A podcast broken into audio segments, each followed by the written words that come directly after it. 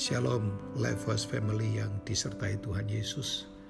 1 Yohanes 4 ayat 18 dikatakan, Di dalam kasih tidak ada ketakutan, kasih yang sempurna melenyapkan ketakutan. Sebab ketakutan mengandung hukuman dan barang siapa takut, ia tidak sempurna di dalam kasih.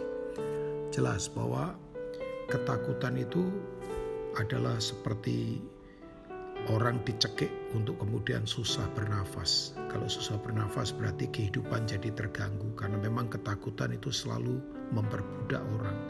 Orang diperbudak untuk kemudian tidak hidup dengan leluasa. Padahal Tuhan mau kita hidup dengan merdeka leluasa. Nah, hanya kasih yang sempurna yaitu Yesus Kristus sendiri yang sanggup melenyapkan ketakutan. Saya kalau uh, membaca di Perjanjian Lama, ada orang yang hidupnya melimpah dengan kasih karena mendapat kasih yang melimpah dari keluarga. Orang itu namanya Yusuf. Kita tahu semua itu ada di kitab Kejadian. Yusuf itu sangat dikasih oleh bapak dan ibunya.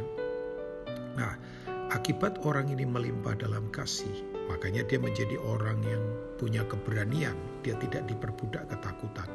Yang pertama, dia menjadi orang yang berani bermimpi besar karena memang dia seorang pemimpi yang besar.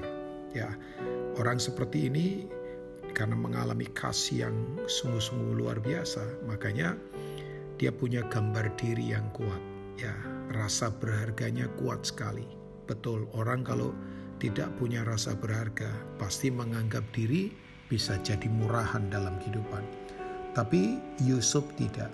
Ya, kita tahu bahwa dia bermimpi uh, bulan, matahari, bintang-bintang menyembah kepada dia sampai keluarganya marah kan. Tapi bapaknya ya Yakub menyimpan itu di dalam hatinya. Nah, saya percaya orang yang hidup uh, dalam kasih Tuhan itu pasti akan menjadi orang-orang yang punya mimpi-mimpi besar dalam kehidupan. Ya, saya punya satu teman uh, ada di satu kota. Dia adalah orang yang uh, pernah gagal bangkrut 10 kali. Tapi waktu dia kemudian mengalami sentuhan kasih Tuhan di satu pagi dini hari, sejak itu dia berubah. Ya, sekarang dia orang yang sangat sukses, bukan hanya soal itunya saja, tapi tiap bulan dia bisa memberkati ratusan hamba-hamba Tuhan di pedalaman dan dia juga support uh, kira-kira 10 yayasan yang dia lakukan. Dia sekarang menjadi pemimpin yang besar. Tapi yang kedua, kalau kita belajar di Yusuf adalah bahwa orang yang mengalami kasih yang luar biasa. Yang kedua adalah dia bisa menolong orang uh, untuk menafsirkan mimpi mereka dan tidak hanya itu, juga memberi sayap buat mimpi mereka itu terwujud. Ya, kita tahu bahwa waktu Yusuf di penjara apa yang terjadi? Uh, juru minuman dan juru roti di Mesir uh, minta tolong kepada dia Ya, kita tahu bahwa juru minuman dan juru roti itu kemudian bermimpi kan. Nah, saya percaya begini, uh, orang yang punya kasih yang melimpah, orang yang suka menafsirkan mimpi dan kemudian memberi sayap untuk mimpi itu terjadi, itu hidupnya selalu menjadi berkat buat banyak orang. Ya, orang-orang seperti ini tidak pernah menyedot orang-orang lain, tapi hidupnya akan selalu Uh, menjadi jawaban uh, buat orang-orang lain. Bayangkan dalam kondisi susah pun Yusuf bisa menafsirkan mimpi orang-orang lain dan kemudian bisa memberi sayap. Ya, kita tahu uh, kemudian apa yang terjadi, juru minuman kemudian diangkat kembali menjadi pegawainya Firaun.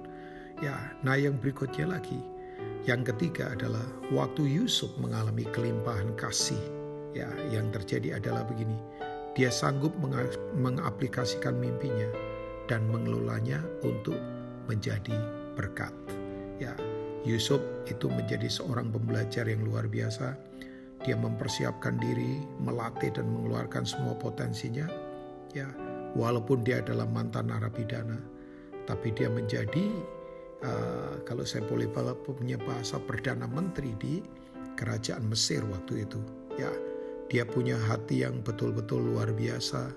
Ya, dia sanggup mengaplikasikan mimpinya, mengelola emosinya juga untuk tetap menjadi berkat. Kita tahu waktu saudara-saudaranya datang dari tanah Kanaan pun dia kemudian uh, punya hati yang begitu besar. Waktu dia memperkenalkan diri pada saudara-saudaranya, dia berkata bahwa jangan menyalahkan diri sendiri. Semua ini terjadi karena Tuhan punya maksud supaya tetap memelihara perjalanan bangsa kita. Wah, luar biasa itu Yusuf. Memang Yesus secara lahiriah tidak lahir dari suku Yusuf, eh, tapi Yesus lahir dari suku Yehuda jelas itu saudaranya Yusuf. Tapi kita belajar dari Yusuf bahwa sekali lagi dalam kasih tidak ada ketakutan. Kasih yang sempurna selalu melenyapkan ketakutan. Amin.